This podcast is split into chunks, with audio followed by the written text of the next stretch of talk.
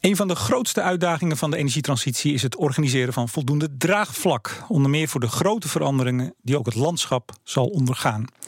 Onder meer daarover gaat het tijdens de Energia Energy Day 2017. En in aanloop naar dit evenement praat ik met enkele sprekers van de vorige editie.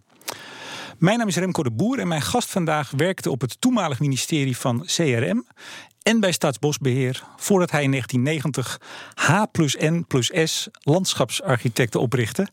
Het bureau waaraan hij nog altijd als adviseur is verbonden. Hij was hoogleraar aan de TU Delft, was rijksadviseur voor het landschap, ontving meerdere prestigieuze prijzen en schreef in 2014 het boek Landschap en Energie. Over de impact van de energietransitie op het landschap ga ik in gesprek met Dirk Simons. Hartelijk welkom. Dank je, Remco. Um, meneer Simons, ik heb vorig jaar ademloos naar uw presentatie uh, op de Energy Day uh, zitten kijken en luisteren. En toen dacht ik, kunnen alle landschapsarchitecten nou zo goed presenteren? Of is dat toch typisch Dirk Simons? Nou, ik denk dat we uh, wel als vakgebied gewend zijn om van dat soort pitches te houden. Hè? Want we moeten, om opdrachten te krijgen, opdrachtgevers enthousiasmeren en noem maar op. Dus ik denk dat veel van mijn vakgenoten goede verhalen uh, kunnen houden. Dat is uh, niet uh, alleen aan mij voorbehouden hoor. Is niet even een, een tuinschuddingje neerzetten, hè? U, u, nee, het gaat ook. Oh, ja, we werken op hele grote schaal in ons land tegenwoordig. Het gaat over van ouds landinrichtingsprojecten, maar de laatste tijd ook veel met uh, waterbouwkundigen werken. Uh, zijn we als landschapsarchitecten ook uh, in, de, in de weer. Dus ja, daar moeten we, daar moeten we aan de bak. Daar moeten we pitches houden en, enzovoort. Dus ja, dat, dat, dat, gaat merk goed je. af in ieder ja. geval. Ja. Um, zodra het over energie en landschap gaat, valt eigenlijk al tegenwoordig heel vaak uw naam. Hè? Hoe, hoe bent u in dat wereldje verzeild geraakt? Nou, ik ben er, moet ik eerlijk zeggen, uh, uh, echt een beetje ingezogen. Want toen ik uh, in 2004 benoemd werd als uh, eerste Rijksadviseur voor het landschap, wat natuurlijk een prachtige uh, functie is, hè, dat is net zoiets als de Royal Astronomer in, in Engeland. Toen was een van de eerste dingen die op mijn tafel terecht kwam, was de discussie over windturbines. En ik heb me daar toen heel goed in proberen in te leven, in te lezen, op georiënteerd. Ben natuurlijk talrijk uh, van dat soort bijeenkomsten langs geweest, waar het dan over wel of niet windturbines ging. En ik heb daar in, ik geloof 2006, een erg mooi advies over uitgebracht aan de drie betrokken ministers. dat was. Maria van der Hoeven van EZ, mevrouw Kramer van INM en nou, nog een derde. Nog de minister, de minister van uh, Landbouw, Natuurbeheer ja. en, en Visserij. En dat was nog in een tijd, 2006, het is maar tien jaar geleden, dat er nog zeg maar gepleit kon worden voor het maken van een nationaal plan, waarbij het nog steeds mogelijk was om delen van Nederland, uh, wat we noemden uh, voor concentratiegebieden voor windenergie in te richten en andere als een soort nationale feeden te zien. He, dus gebieden leegte. Ja, gebieden af te spreken waar je nou ja, eigenlijk bij uitzondering een windturbine zou, zijn, uh, zou zien. Want het was mij in al die voorlichtingsavonden ook wel duidelijk dat het heel moeilijk was om de beide kampen uh, uh, bij elkaar te brengen. Want dat zag u toen al, die nou twee ja, kampen. Dat, de emoties waren van een aard die ik eigenlijk al sinds uh, de bekende oorlog tussen de natuurbescherming en de agrarische sector bij de ruilverkaveling uh, eind jaren 70 niet meer heb tegengekomen. We, we hebben het nog steeds over die periode 2002, 2004, ja. 2006, ja, zo, ja, die tijd. Ja, ja. En opvallende emoties. Maar wat ook opvallend uh, was, is dat die emoties. Uh, daar, dat is ook een generationeel uh, ding. Het zit vooral bij, laat ik maar eventjes door de bank nemen, mijn generatie. De, de babyboomers zijn vooral heel erg tegen, omdat zij toch het idee hebben dat het, het landschap als een soort onbewegelijk arcadisch achterdoek. Hè, niet moet veranderen, hè, waartegen hun dynamische, stedelijke en globaliserende leven zich afspeelt. Dus dat, dat is toch, nou ja, een van de dingen waarvan je denkt van hier moeten we die eens even goed naar kijken. Als het ware afpellen van al die lagen van verzet. Uh, en dat, dat deed u toen in uw advies? Ja, dat hebben we in het advies uh, geprobeerd. Kunt, kunt, u dat, dat is natuurlijk heel moeilijk, maar kunt u dat heel kort samenvatten? Wat was nou de, de portée van dat advies toen, tien jaar geleden? De portée van het advies was, nou, onder andere die concentratiegebieden en die nationale feeders. Maak een nationaal plan. Zet vooral in op uh, wat we nu nog steeds repowering noemen. Hè, dus het vervangen van bestaande windturbineparken door uh, de modernere uh, en ook uh, meer opleverende grote modellen. En ga op allerlei manieren het gesprek aan en probeer vooral wat we bij onze oosterburen ook zien en zagen, vanaf het begin de lokale gemeenschappen erbij te betrekken. En als ik dan toch even een sprongetje maak naar nu. Ja. We zijn dus ruim tien jaar verder. Ja. Wat, wat is er van uw advies terechtgekomen? Daar is, uh, nou ja, zoals dat met advies in Den Haag gaat, is er weer een advies en daarna weer een advies overheen gegaan. Maar de contouren van uh, een aantal dingen over uh, het niet op rijksniveau, maar nationaal aanpakken van het energietransitieprobleem. Wat is het verschil tussen rijksniveau en nationaal? Nou, het, ja, dat is een heel genuanceerd, maar heel belangrijk verschil. Het, een rijksplan wil zeggen dat het Rijk het voortouw heeft en dat nou ja, eh, hoe dan ook, top-down zal gaan regelen. Het een nationaal plan ja?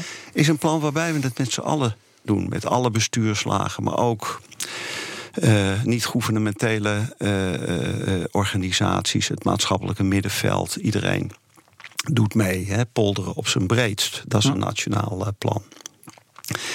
En uh, we hebben in het, uh, in het advies ook ehm, aandacht gevraagd. En dat is volgens mij nog steeds een element wat wel de belangstelling heeft voor een aantal psychologische aspecten van.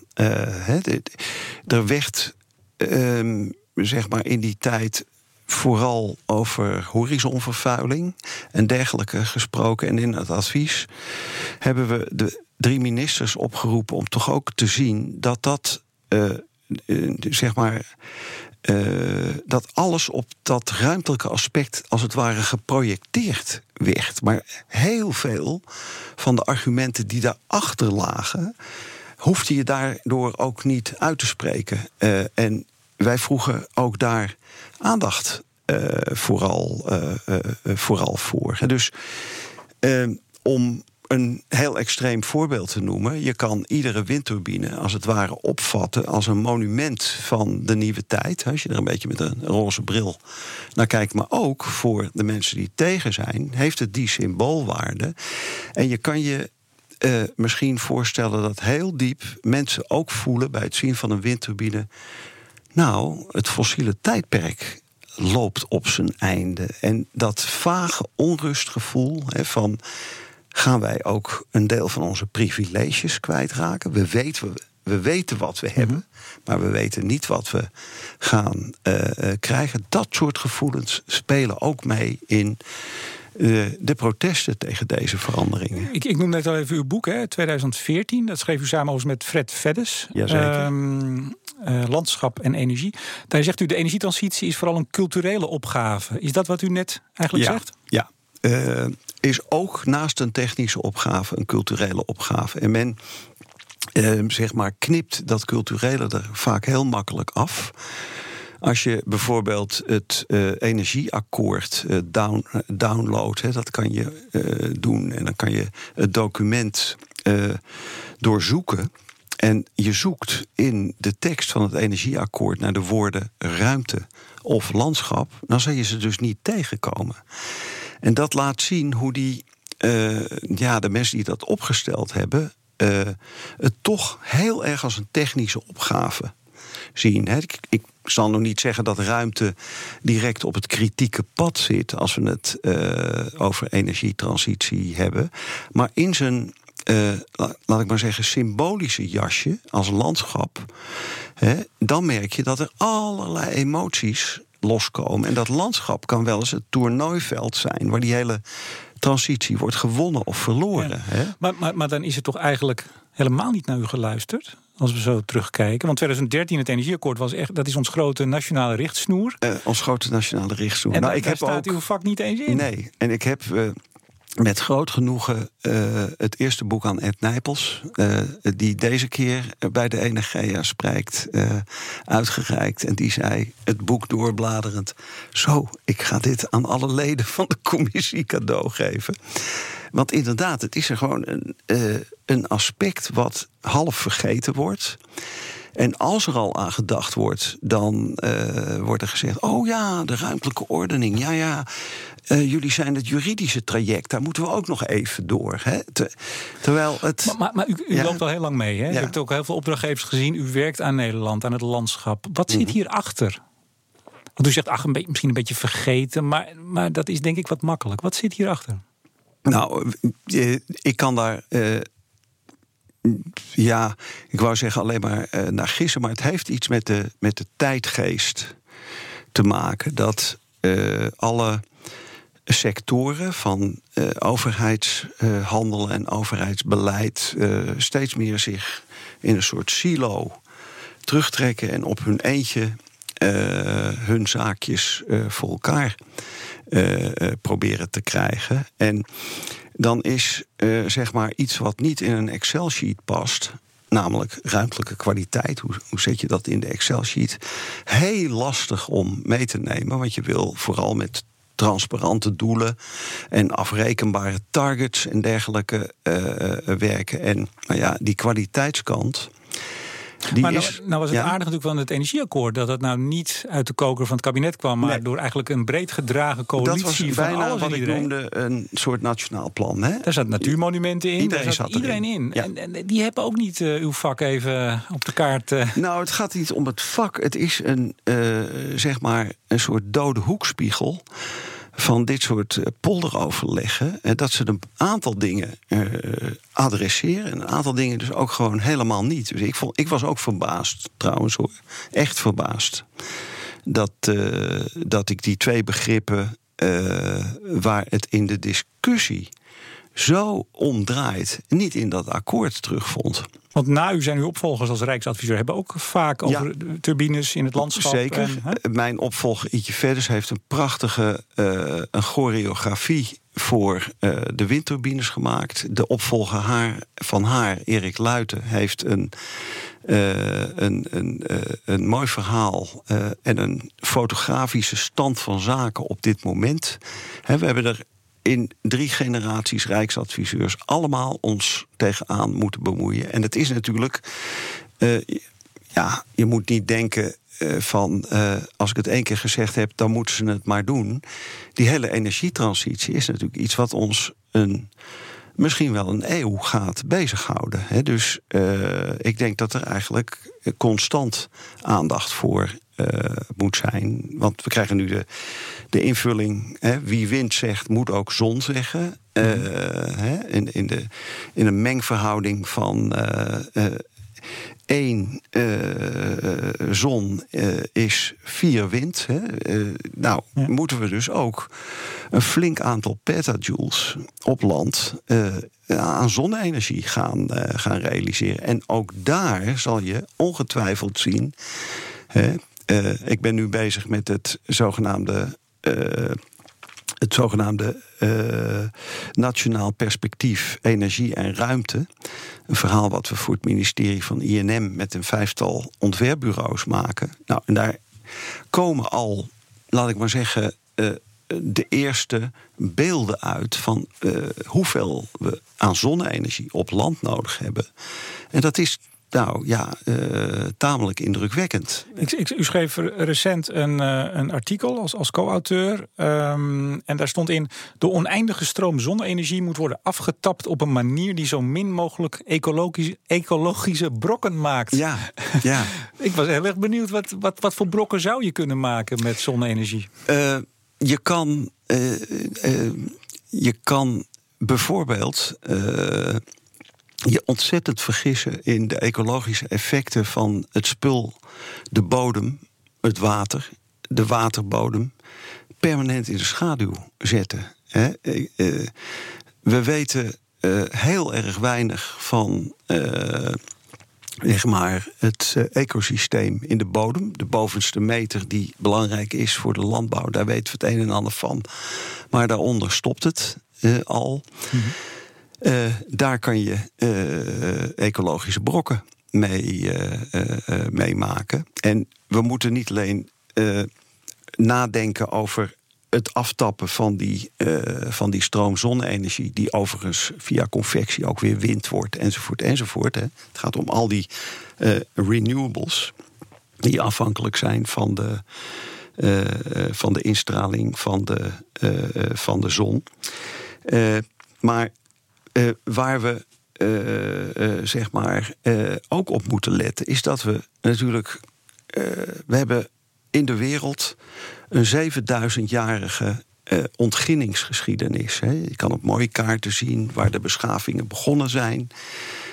Je ziet hoe overal de bossen gekapt zijn. Als je de de boskaarten, eh, reconstructiekaarten van uh, duizend jaar na Christus van Europa ziet en hoe het er nu uitziet, nou dat geloof je gewoon niet. En daarmee hebben we, moeten we ons realiseren, natuurlijk ook de airconditioning van de aarde gesloopt. En die zijn we nog steeds op grote schaal aan het slopen.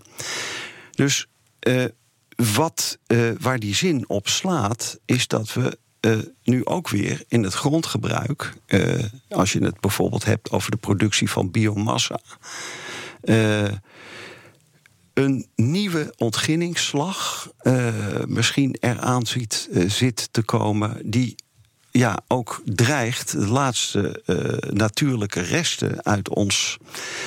uit onze terrestrische ecosystemen te verwijderen. Hè. Als, je, als je ziet hoe nu al voor soja en voor palmolie uh, grote delen van de tropische regenwouden uh, kaal gekapt worden, dan moet je er niet aan denken wat er gebeurt als we langzamerhand die petrochemie uh, in de biochemie moeten gaan omzetten en daar biomassa voor nodig is. Hè. Alleen al voor de. we hebben natuurlijk in Nederland heel veel petrochemische industrie, maar als je daar uh, als je die op uh, biomassa zou willen laten lopen, en dan bedoel ik biomassa van de derde generatie, -hmm. dan heb je vier à vijf keer de oppervlakte van Nederland nodig om daar he, de spullen voor aan te leveren. Dus, maar dat, maar dat, dat constateert u? Hè? Dat, ja. dat zegt u. Maar wat, wat, wat zou u nu, wat adviseert u nu? Want ik word een beetje somber.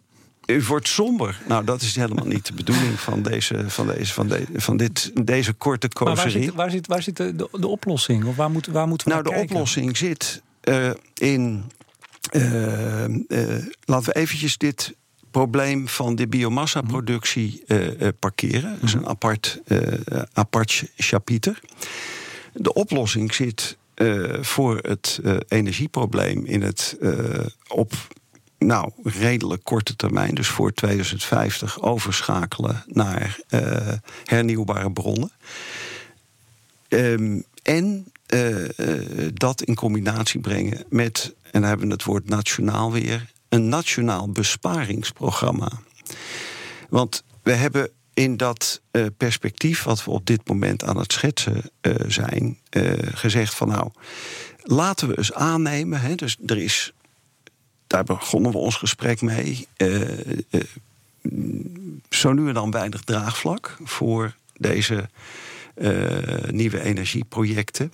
Laten we nou eens een verhaal opzetten waarin we beginnen met te zeggen: we gaan maximaal inzetten op offshore wind in het Nederlandse deel van het continentaal plat. Net als wat we vorig jaar voor de Biennale voor de hele Noordzee hebben laten zien. Laten we daar eens mee beginnen. Dat, is ook de, de, presentatie of de animatie die we ja. zien op de, de Energy Day vorig jaar. Ja, en de, nou ja, dat levert op zich al 500 petajoule op. Dat is een enorme head start uh, in de 2100 petajoule die we uh, nodig hebben in uh, eh, 2005. Ik wil nu niet te technisch worden, want dan loopt het uit de hand. Maar stel dat je daarnaast ook nog een kwart uh, zeg maar, gaat besparen. Een kwart ten opzichte van wat we in 2015 gebruiken. Dus we gaan niet meer energie in 2050 gebruiken, maar minder. Maar daar is meneer Nijpels natuurlijk heel hard mee bezig en dat lukt nog niet zo goed. Nee, en uh, dat lukt nog niet zo goed, maar... Sterker nog, we hebben dit jaar 3%, meer. Uh.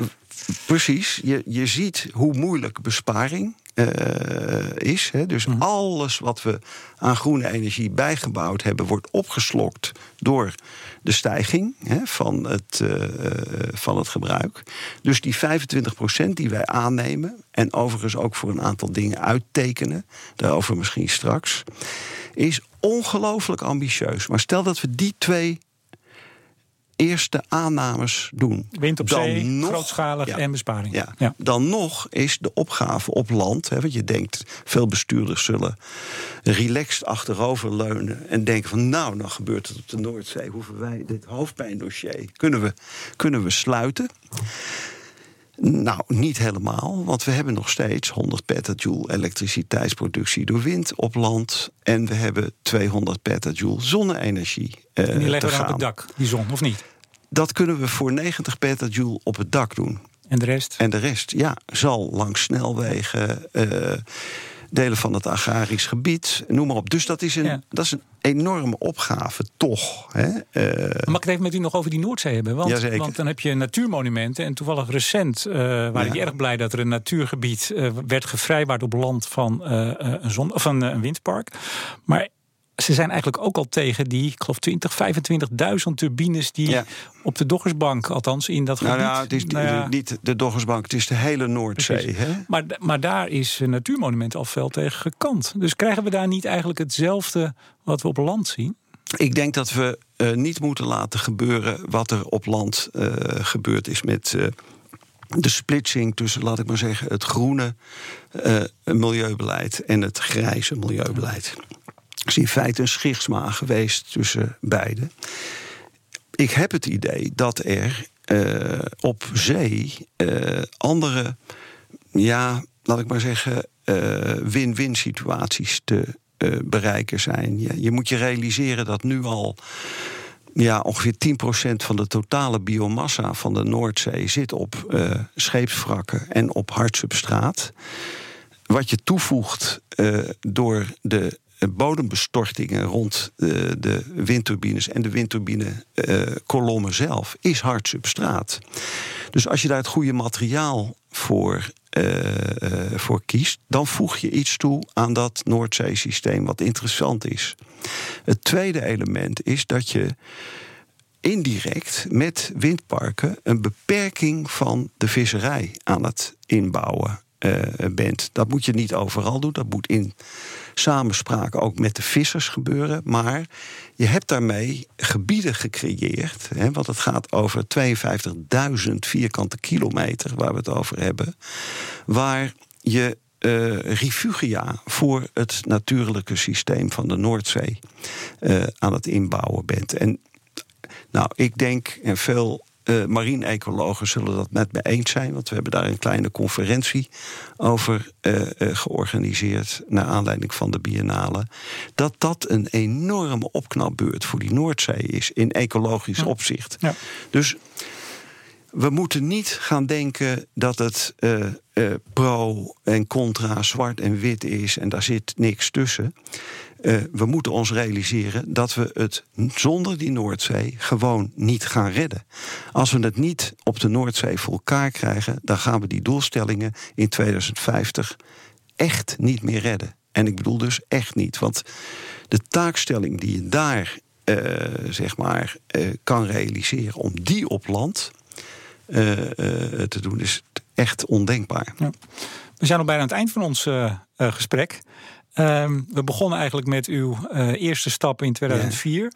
Ja. Um, u hebt inmiddels veel adviezen gegeven. U bent er nog steeds mee bezig. De Noordzee hebben we nodig, dat maakt u duidelijk. Ja. Hoe groot acht u de kans Hebt u er geloof in, laat ik het zo zeggen, dat we de, misschien de fouten of het niet luisteren naar de adviezen die we op land hebben gedaan, dat we dat wel op zee gaan doen? bent u positief? Ik ben daar positief over. Ik uh, werk nu ook in de North Sea Energy Lab, waar alle actoren rond de Noordzee.